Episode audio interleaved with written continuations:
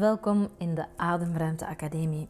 Een plaats waar je he, he, even op adem komt. Want wij hollen van ochtend tot avond, van her naar der, van hot naar her. En heel vaak ja, hollen we onszelf voorbij en soms ook te pletter. En de Ademruimte Academie wil u inspireren, motiveren, ondersteunen, begeleiden om geregeld een adempauze te nemen. Mijn naam is Veerle Dobbelaren en ik help u heel graag. Als je na het beluisteren van de podcast zegt, oh, ik heb wel goesting om wat meer uh, op adem te komen, wat ademsteun nodig, dan neem gerust een kijkje op onze website waar wij heel laagdrempelige, toegankelijke programma's aanbieden, want ik geloof dat ademruimte voor iedereen is. Geniet ervan. De prins of prinses op het witte paard. Daar zijn we toch allemaal mee opgegroeid. In ieder geval, ik het toch. En met zo die romantische idee van de prins die u komt uh, redden. En meeneemt naar een leven dat oh, overstroomt van liefde, romantiek, kaarsjes, zeemzoete muziek. En dat gaat ook nog bovendien is allemaal moeiteloos. Dat houden van, dat graag zien.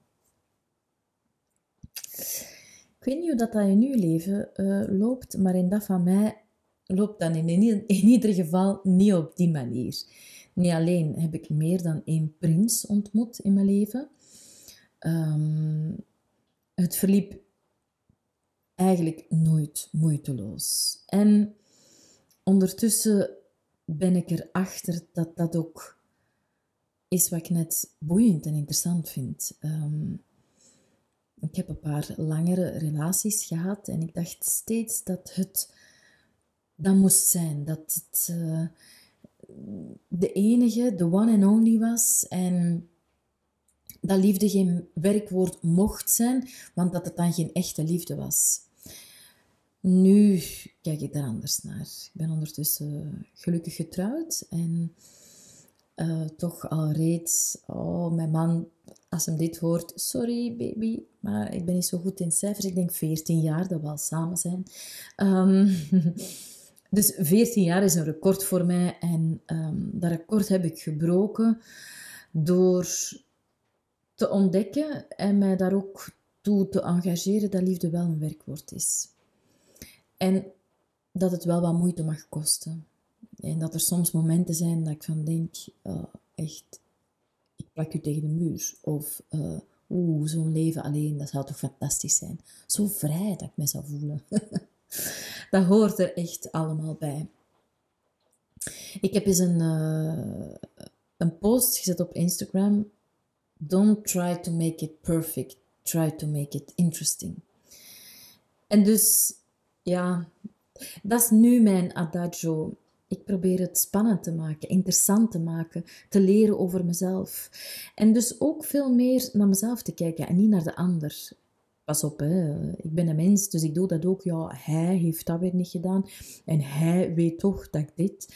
Um, of kan hij nu niet denken aan mij, die toch dat? Hoeveel keer heb ik al gezegd? Enfin, je kent dat wel, die stemmetjes in ons hoofd die uh, van alles projecteren op de ander. En natuurlijk doet de ander dingen die niet leuk zijn. Natuurlijk heb jij je grenzen al aangegeven. Daarnaast, laat de ander u maar triggeren.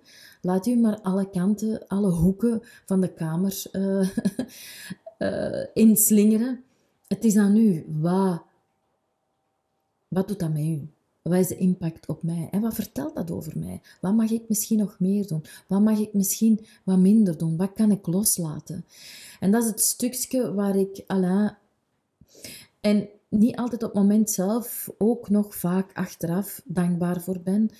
Voor wat hij mij laat zien, wat ik nog meer mag doen, wat ik nog meer mag onderzoeken. Wat wil ik eigenlijk echt? Wie ben ik eigenlijk echt? Hoe kan ik eigenlijk de vrouw zijn die ik wil zijn? Um, wat is een gevecht dat de moeite waard is voor mij om aan te gaan en niet zo de gevechtjes. en daar, um, in deze relatie zit ik daarvoor heel goed, omdat ik wil kijken naar wat hij mij allemaal laat zien en Er is ook altijd een moment waar hij dat bewustzijn ook wilt opnemen van, ah ja, we doen dit samen. We willen er allebei naar kijken, vanuit verbinding, vanuit respect, vanuit contentement, geluk, passie, uh, um, vreugde, verliefdheid. Hè? Want dat zijn dan de dingen die, in mijn ervaring, die je dan terugkrijgt. Uh, dat je dan nog kunt je man zien binnenkomen en denken, hmm, maar zeg, wow, ik voel vlinders in mijn buik. En als ik hem geloof, en dat ook, want dat is ook altijd gemakkelijker, iemand geloven in wat hij zegt, dan wel achterdochtig, ja, maar uh, wat zou erachter zitten? Maar dus, als ik hem geloof, dan heeft hij ook nog af en toe vlinders in zijn buik als hij mij ziet uh, binnenkomen of iets ziet uitleggen. Dus voilà. Ik hoop dat ik u geïnspireerd heb om uw relatie te zien als een fantastische speelruimte die interessant mag zijn, die u van alles leert over uzelf en waar dat je de ander voor nodig hebt, want anders zal het niet leren. Dus probeer het niet perfect te maken. Probeer het niet vanzelf te laten gaan. Zie dat de moeite juist zit in het interessant maken naar uzelf en dus naar de ander toe. En zo zie je wel of deze prins of prinses um, degene is die de rest van zijn of haar leven naast u mag rijden. Of dat je denkt, ja, nee, oké, ja, nu, we hebben een heel schoon verhaal geschreven. En nu is het tijd voor een ander hoofdstuk, want ook dat mag.